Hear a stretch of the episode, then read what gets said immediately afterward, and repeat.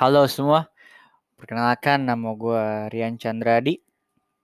Nah, pada episode pertama kali ini mungkin uh, dan dan episode seterusnya gue uh, akan membahas seputar berita-berita dari game FPS yang mungkin uh, game FPS terlegend ya yang masih bisa bertahan sampai 2020 ini uh, yaitu Counter Strike Global Offensive. Nah, pada episode kali ini mungkin dan episode selanjutnya ya uh, yang akan gue bahas di uh, podcast kali ini mungkin cuman seputar berita tentang transfer, tentang turnamen yang akan datang atau mungkin uh, match yang uh, sudah ada hasilnya yang kayak seperti kemarin. Uh, kayak IM Global Challenge 2020 atau mungkin yang sebelumnya lagi Blast Premier Fall uh, 2020 Finals. Nah, mungkin pada episode kali ini gua akan membacakan berita terlebih dahulu ya yang baru datang uh, tadi malam, kemarin malam sebenarnya uh, sejak uh, perekaman ini yaitu tentang twist yang akan uh, keluar dari Liquid. Nah, uh, seperti yang kalian mungkin sudah lihat ya, uh, gue kasih tahu juga, uh, Liquid berhasil mencapai runner up. Uh, dia kalah dengan Astralis dengan skor 3-0 ya, lumayan telak.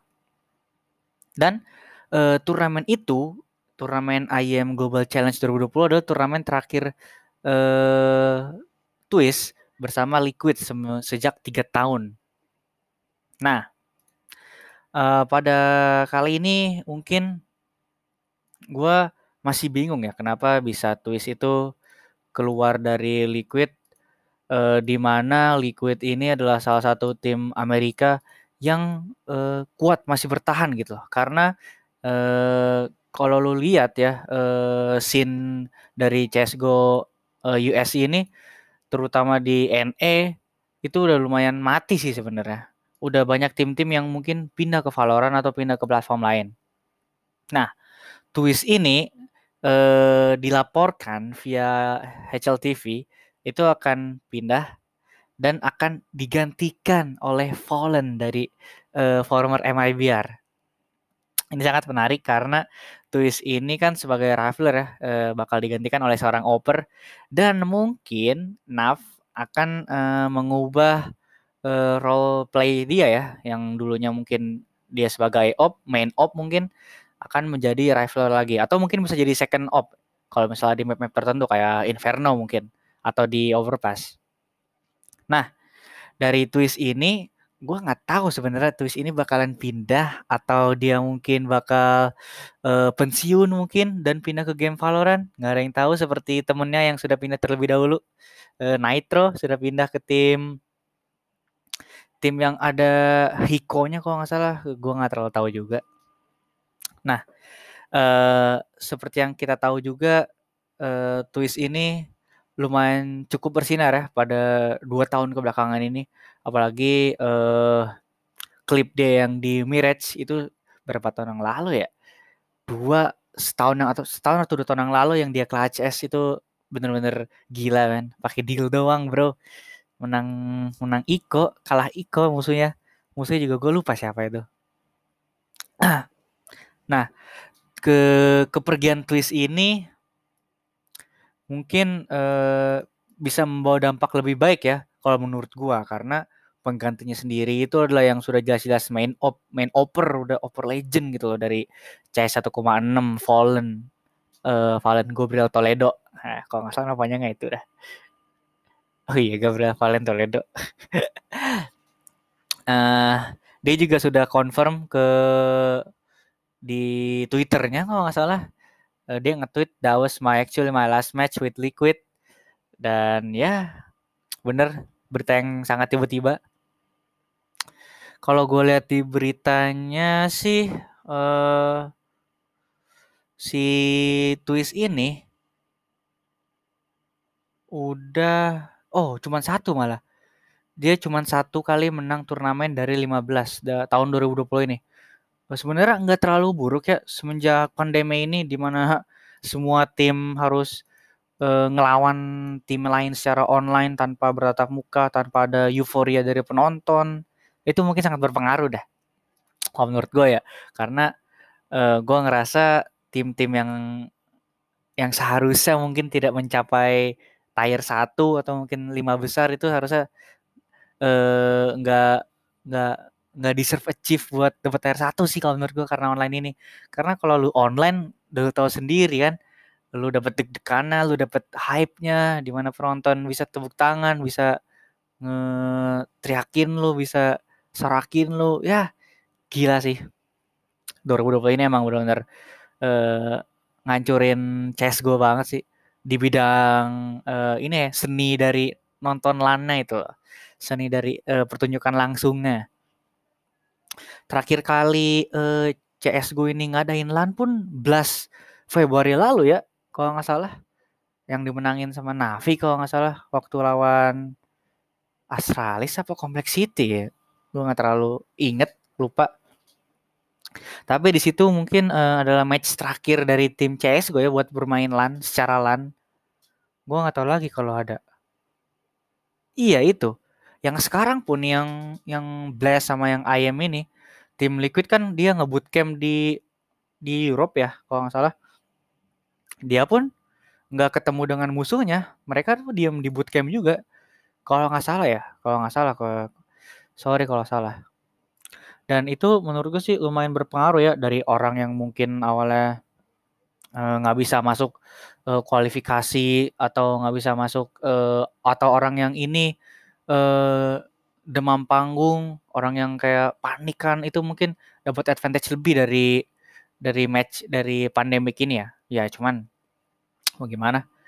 Nggak ada yang bisa dilawan dari virus ini ya kan. Dan semoga uh, virusnya segera berakhir lah. Nah, lanjut dari twist ini mungkin gue bakal ngebahas ini ya berita-berita uh, event yang udah lalu kayak ayam Global Challenge ini yang dimenangkan sama Astralis. Wah, kalau menurut gue Astralis ini uh, menurut gue dengan dia uh, nambahin six man player itu secara nggak langsung short termnya mungkin bakal ngebuat Astralis turun sih. Gue yakin banget uh, udah beberapa tim sih kalau nggak salah yang udah pakai six player kayak salah sini kayak Navi udah Vitality ada Nivera dan Misuta. Kalau Astralis uh, Bubski ya? Bubski kalau nggak salah. Bubski yang biasa digantiin tuh biasanya Bubski sama Exipex tuh biasanya berdua tuh. Kayak substitute gitu. Nah kalau Navi biasanya Flemmy sama Beat. Uh, Beat ini juga kayak ngambilnya dari ini ya Navi Junior. Gue kira yang bakal diambil tuh kayak Munesi mungkin karena dia oper juga ya manusia. Jadi di Navinya bakal kebanyakan AWP sih udah ada simple udah ada Flammy second secondary oping ya secondary oper nah uh, di IM ini gue uh, bakal ngebahas dari grup A sih grup A ini ada Big, ada Astralis, ada Vitality, ada Complexity. Yang gue bingung ini Complexity, mereka semenjak pergantian pemain ya, kalau nggak salah tim yang keluar tuh satu orang tuh siapa sih? Eh, uh, gue lupa siapa yang keluar. Pokoknya digantiin Jekes dari Australia. Itu menurut gue lumayan menurun ya. Dia sih Complexity ini sih masih ini ya, masih peringkat ke-11 masih top lah kalau bisa dibilang masih masuk jajaran uh, ranking kalau lihat di LTV gitu kan nggak kayak 30 besar ke bawah tuh kalau nggak salah udah nggak ada lu udah nggak masuk ke list di webnya nah kompleks ini complexity ini harusnya sih jadi jadi lumayan tim unggulan ya karena dari early early roundnya juga eh dari early uh, early tahun 2020 kompleks ini ini serem banget sih kalau menurut gua. Uh, dia bisa bisa ngasih ngasih ngasih apa ya ngasih perlawanan lah ke Astralis ke Vitality ke Navi. Nah si Complexity ini kebetulan langsung ke kick out gara-gara ya dia nggak pernah menang men dua, match nggak pernah menang itu kan uh, kalau nggak salah poinnya udah langsung ke depak lah bahasa istilahnya nah dari grup B yang ke depak ini heroic Heroic. By the way, grup B ini ada Navi, ada Liquid, ada Furia, ada Heroic. Dan yang menurut gue itu yang tadi gue sebutin yang tim-tim yang mungkin harusnya kalau misalnya ada Lan-Lan dia nggak termasuk sih. Bukan ngerendahin ya, bukan ngerendahin. Mereka semua tim-tim hebat. Cuman kalau menurut gue Heroic ini kurang kurang gimana sih kurang serk aja gitu kalau lu lihat kalau lihat di ranking dia ada di grup ada di ranking 3 atau 4 kalau nggak salah gue nggak tahu nah eh Heroic ini juga kedepak di awal ya sama kayak Complexity yang gue kaget itu adalah ketika eh di playoff-nya? Playoff-nya kebetulan uh, si Astralis ini masuknya keluar bracket jadi dia ketemu Navi di mana Navi ini kan ada di upper bracket ya. Dia uh, dari grup B udah juara grup B dan Astralis itu yang kedua. Jadi uh, Astralis dipertemukan dengan Natus Fincher dan Big uh, dipertemukan dengan Liquid. Nah dari hasilnya ini kalau gue bilang uh, Navi lawan Astralis ini Astralis cukup mendominasi ya di map yang dia pick dan map uh, decider lah ya. Karena di Inferno gue gue gue nonton uh, Navi lawan Astralis ini. Gue kira Navi tuh bakal bisa comeback gitu loh. Soalnya dari skora tuh kalau nggak salah uh, yang gue kira bakal comeback tuh si Navi tuh udah mulai ngejar tuh dari 8 si Astralis sih emang Astralis emang udah gede udah kayak 12 13 gitu. Cuman ya gimana Astralis is uh, was a strong team gila dia tim keren lah dan di side selanjut side uh, sampingannya Big yang gue kaget kalah 2-0 lawan Liquid. Itu tough match juga sih, skora 16-11, 16-14. Yang gue kaget itu Elich ya, Elich meledak banget di sini 1,62 men, gila ke KDR eh iya KDR dan yang menurut gue sangat-sangat berbahaya ini gue gak tau kenapa uh, Brick ini bisa kalah tapi opernya mereka tuh Siren itu uh, eh Sirson sorry bukan Siren Sirson itu sangat gila bahaya men. Pick-pickan dia tuh uh, dia tuh kalau kayaknya ya kalau gue lihat playstyle mirip kayak device uh, bukan agresif oper cuman uh, dia nggak pernah nggak pernah nggak pernah uh, miss shot gitu apalagi shot-shot yang gampang yang kayak orang nongol nggak ada utility tuh kayak udah pasti mati sama dia kayak tinggal tung kayak ya, kayak udah nggak bakal pindah lagi sih. Siren nih bahaya banget tinggal kalau menurut gue nih bikini tinggal nunggu 2 sampai 3 bulan lagi lah. Apalagi kalau misalnya Santares, gue nggak tahu ya Santares ini kan terkenal lah eh, online-nya jago banget tapi pas di LAN itu pas pas kayak LAN udah ada play offline tuh kayak kayak turun. Mungkin itu salah satunya guys. Salah satunya eh, mental mungkin ya gue nggak bilang Santares nggak ada mental juara cuman uh, musuhnya mental tuh lebih besar mungkin gitu bahasanya gue nggak tahu nah setelah itu finalnya Astralis lawan Liquid gue gue gue sebenarnya berharap di semifinal ini tuh eh, nggak uh, tahu kenapa ya mungkin gue karena uh, pribadi gue sukanya Navi ya. Gue berharap di side semifinal satu itu Astralis lawan lawan uh, Liquid. Nah di set selanjutnya Navi lawan Big gitu loh. Karena kalau menurut gue sih Navi harusnya bisa menang lawan Big ya. Kalau misalnya uh, tim-tim dari eh kalau misalnya Boom Blitz nggak ada nggak ada ngelakuin hal-hal aneh gitu ya walaupun terkadang hal-hal anehnya tuh yang bisa menang, menangin pertandingan. Kayak dulu waktu dulu waktu lawan Astralis kalau nggak salah ya yang Boom Blitz main di Inferno B itu dia benar-benar diem di smoke diem di smoke sneaky bicky dan gak bisa dipungkiri gila MP9 dia. Kacau kacau. Keren sih keren. Kalau lagi on fire kalau lagi enggak sama aja. Kayak yang lain nah uh, Astralis di final sangat membara gengs. 3-0 gila. Skor sih lumayan jauh lah ya. 16-11 di Inferno 16-11 di Overpass sama 16-10 di Dastu. Di sini gue nggak tahu kenapa Astralis nggak mainin six man lagi. Mungkin uh, eh, gue nggak tahu ya six man ini dipakai uh, termnya tuh gue nggak tahu Astralis atau Navi ini ya dia tuh mainin playernya kalau lagi lawan yang dianggap bisa bisa menang gitu, bisa menang gampang atau emang ada rule Soalnya semenjak Blast kemarin tuh guys, kalau lu lihat opening Blast kemarin, match pertama tuh kalau nggak salah Navi lawan Astralis ya. Itu mereka dua-duanya pakai pemain ini guys. Pakai six man player, tiba-tiba gue bingung ada Beat di Inferno, ada Bubski, buset. Tapi semenjak itu, semenjak itu tuh Astralis lumayan menurun. Astralis lumayan menurun. Uh, walaupun uh, kalau nggak salah dia tuh di keberapa sih waktu di Blast itu? Sabar gue cek. Astralis kedua loh. Astralis kedua itu udah pakai uh, six man player. Udah pakai six man. Kalau menurut gue sih dari pihak Astralis itu udah banyakin ya, udah banyak bicara gitu loh di di kalau misalnya lagi lagi ngumpul tuh ya sebelum Mapic biasanya kan tuh ngumpul dulu tuh kayak ngomongin ngebahas game dikit eh, mungkin berdoa mungkin gue nggak tahu atau mungkin ngebahas apa. Tapi intinya dari si eh, Astralis ini semenjak semenjak Blast itu kayaknya dia udah gak pakai six man deh.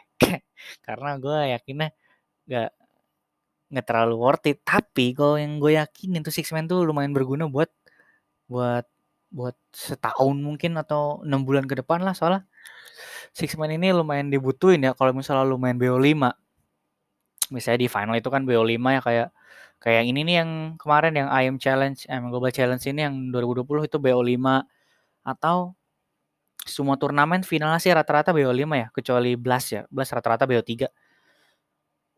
Karena mungkin terlalu lama juga ya itu ganggu playernya. Nah, BO5 ini kalau menurut gue six man roster ini sangat berguna. Dis ini kita mau menyampingkan uh, value dari playernya ya. Mungkin kalau kalau kalau lo lihat dari value-nya mungkin bakal ngurang. Kayak dari Bubski digantikan uh, Exipex kalau nggak salah itu sangat menurut gue sangat signifikan. Tapi kalau lu buat main misalnya lu main BO5 satu map sejam terus lu orang main sampai sengit sampai 32 itu 5 jam gila 5 jam lebih. Uh, itu udah nguras tenaga banget uh, dan itu pun butuh nah karena itu karena lumayan lesu gitu ya. Kalau menurut gua kalau lu nonton BO5 tuh orang pemain CS sendiri tuh udah pada udah udah capek gila. Udah lu bayangin 5 jam main nonstop ya ada istirahatnya. Cuman paling cuma 10 menit sampai 15 menit gitu kan. Habis itu disuruh fokus selama sejam gila udah nggak bisa main-main lagi. Nah six man roster ini menurut gue sangat ngebantu. Dan gue berharapnya uh, di kemudian hari sih ya bisa halan lah kalau bisa lah semoga 2021 ini bulan depan bro eh udah berapa hari 9 hari lagi tahun baru gila nggak nyangka By the way, gue recording tanggal 21 eh, bulan Desember 2020. Nah, lanjut ya. Ini kan udah kita ngebahas tadi tuh ngebahas eh, turnamennya. Sekarang kita akan ngebahas eh, ranking, ranking tim eh, dari eh, CSGO ini ya. Berdasarkan tang CSGO World Ranking uh, Desember tanggal 14. Vitality udah pasti ya. Udah juara dua kali berturut-turut ya kalau nggak salah. Eh. Oh enggak deh. Uh, Belas yang juara kemarin dia.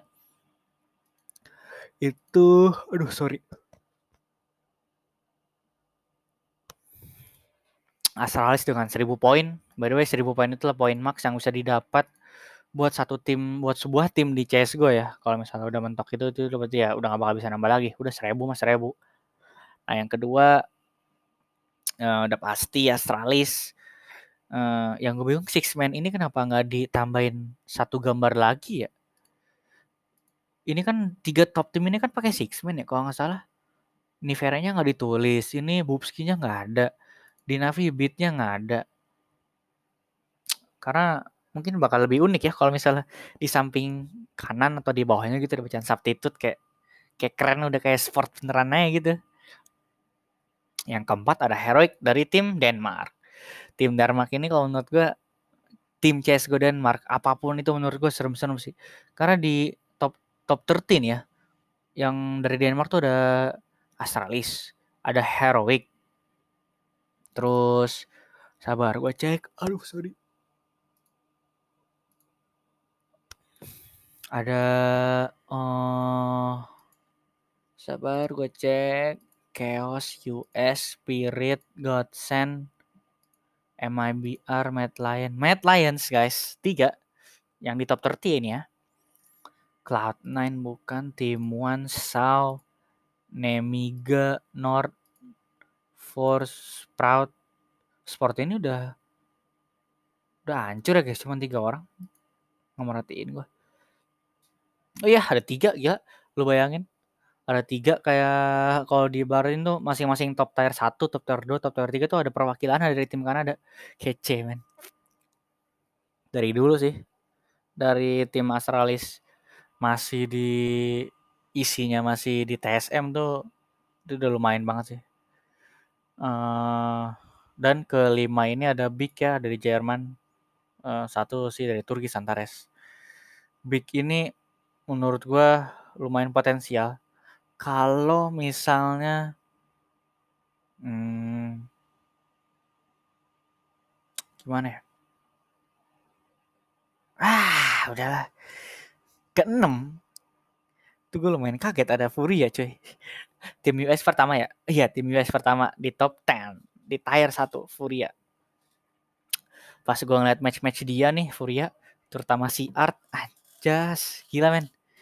Dia bener-bener lu tuh kayak berasa main di match-match biasa, matchmaking biasa aja kayak kayak kalau lu sering main di community itu kan biasanya main-main tuh main-main utility, main ngepush utility, ngepush utility kayak ngepush flash, ngepush flash, ngepush flash gitu-gitu. Itu yang dimainin art gila.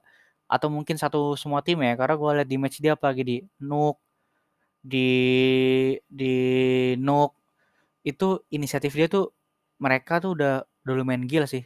Cuman emang lumayan gampang kebaca apalagi kalau misalnya mereka iko ya atau mereka lagi force buy itu biasanya kebaca banget kalau mereka bakalan ngepush gitu karena dari segi utility kalah gitu ya kalah dibandingkan tim musuh misalnya dari CT ataupun dari teroris yang punya utility penuh nah tapi gue sih berharap Furia ini nggak tahu ya gue sih bakalan bakal ketawa ya kalau misalnya Furia bisa nempel di top one soalnya Furia ini unik tim ya. Tim Brazil unik gitu loh. Gue kira gue kira tim Brazil setelah uh, eranya eranya SK itu udah nggak bakal ada. Ternyata ada lagi. Setahu gue sih Henwan Henwan ini tuh kan punya punya keponak eh punya saudara kembar ya? Siapa sih dulu tuh yang di Luminosity apa bukan dia? Gue nggak tahu. Tim Brazil lagi tuh ada oh iya MIBR emang biar yang gue bener-bener kaget tuh. Dia ini tuh tim yang selain Kienji sama Lukas itu tiga orang ini gue nggak tahu. Siapa Leo? Siapa TR TRK siapa VSM tapi jago cuy kemarin kalau nggak salah dia ngalahin Jitu ya 21 atau 20 gue lupa itu udah gila sih Jitu kan lo tahu pemainnya ada Nico ada adenya ada apa kakaknya gue nggak tahu Hunter itu kayak dua emer yang lumayan menakutkan. Eh by the way G itu ke-8 ya. Nikah sama Hunter. Eh by the way kalau lo lihat di Blast, YouTube-nya Blast kan mereka sering buat konten ya. Uh, make communication yang direkam gitu. Lu kalau lihat sisaan Nico sama Hunter tuh anjir. Dia ngomong pakai bahasa sendiri tuh kayak being pride gila. Being pride uh, for being negara apa ini? Bosnia. Kece mereka gila kayak kayak misalnya nih dulu eh, Tailu waktu masih ada Bentet sama Execuret gue sih yakin kalau misalnya sisa mereka berdua ya kalau misalnya mau nge-clutch eh bukan nge-clutch kayak mau retake atau mau atau mau execute itu gue yakin sih mereka ngomongnya bahasa Indonesia sih dan gue berharap Bentet ini kan di berita seminggu yang lalu ya dia akhirnya udah dibolehin sama Genji. Semua timnya ya ada otomatis ada Kusta itu bakalan dile bukan dilelang dilepas lah. Gue sih berharap Bentet bisa bisa direkrut sama tim Eropa ya orang. Tim yang ada di US tuh udah jarang lah e, kebanyakan Valorant sih kalau menurut gue Valorant karena udah banyak banget tim-tim US yang pindah ke Valorant sih salah satunya yang di dulunya di Chaos tuh siapa Steel terus ada siapa Wardell ada Automatic ada Hiko ada siapa ada Brex, ada siapa lagi tuh? Ada Suproza kalau nggak salah pindah ke Valorant. Hampir rata-rata hampir semua tim ya. Gue nggak tahu mereka pindah apa karena ingin kayak nge-refresh tim baru apa apa nggak terlalu kuat di CS:GO nya gue nggak tahu ya nggak bisa berasumsi buruk. Cuman di Valorant mereka jadi like a like a god like like a tim yang bakal conquer satu US gitu. Gue nggak terlalu tahu sih Valorant. Nah mungkin di episode pertama ini gue bakal ngomongin itu aja seputar turnamen uh, CSGO IM Challenge ini mungkin di episode selanjutnya gue bakal ngomongin tentang uh, activity yang ada di uh, ALTV karena di ALTV tuh lumayan seru ya lu bisa ngeliat berita yang officialnya dan lu bisa ngeliat uh, community-nya. Kalau buka di desktop tuh ada di di kanan di kanan ya di side kanan sebelum iklan. Itu lu bisa lihat berita-berita kayak misalnya uh, Liquid Fallen nih yang tulisan Liquid Fallen doang. Kayak orang pada buat uh, thread. Uh, di sini mungkin lo bisa bertukar pikiran dengan tim uh, dengan orang-orang lain yang ada di luar sana. Tapi nggak sedikit juga lo bakal ditoksikin gitu. Karena di sini tuh lumayan toksik ya kalau gue lihat-lihat. Dari dulu sebenarnya dari dulu. Cuman uh, menurut gue menarik sih. Dan di recent activity ini juga lo bakal bisa ngeliat tim yang lu anggap jago kayak Astralis kayak kayak Vitality atau Navi atau semua timnya lain lah kayak dihina-hina di sini. Terutama eh, Navi cuy. di mana orang biasa ngata-ngatain sompel, eh, simple baiter atau apalah. Itu ada di resign aktif ini nih. Dan tapi selain itu lu juga bisa ngeliat eh, opini orang tentang player-player CSGO. Kayak misalnya ada berita simple Zayu difference kayak ada yang ngasih statement kalau Simple itu kayak Ronaldo dia kayak hardworking player. Ya ya lo tahu Simple tuh kalau nggak salah terakhir kali gue tahu tuh dia pemain terlama bukan terlama sih pemain terbanyak ngabisin waktu di CSGO lebih dari tujuh belas ribu jam apa apa mungkin sekarang udah tiga ribu gue nggak tahu. Eh dua puluh ribu gue nggak tahu. Nah Zaiwo ini kayak kayak Messi. Mungkin mungkin kayak Messi ya kayak Messi itu kan waktu zaman dulu itu yang ngegocek gocek pemain Atletico Madrid gitu ya sampai berapa orang itu sih gila. Itu kayak pure talent kalau misalnya lo lihat di sosial medianya aja kan perbandingan Ronaldo sama uh, Messi itu kan ketara ya kayak Ronaldo setiap hari ngepost dia lagi workout lah, lagi latihan bola lah, lagi apa sedangkan Messi nggak seaktif dia ya. Kalau menurut gue nih ya Zayo sama Simple ini serem sih. Simple sama hardworking ya, hardworking ya. Zayo kalau lo lihat di Twitter aja sih dia juga jarang ngelakuin deathmatch ya gila sih. Sampai pemain-pemain CSGO tuh pada nge nge-retweet gila. Lu bayangin aja uh, pemain terbaik di 2019 tapi kayak playstyle kayak nggak mencerminkan lah istilahnya. Tapi kita nggak bisa nge-blame mereka sih. Emang talentnya emang the passion mungkin ya. Passion digabungin sama talent wah mati lu semua ya mungkin sekian aja uh, berita CSGO yang bisa gue sampaikan pada kesempatan kali ini. Semoga lo orang uh, bisa terhibur. Sorry nih kalau misalnya bahasa gue nggak terlalu baik pertama kali soalnya. Terima kasih guys. Thank you.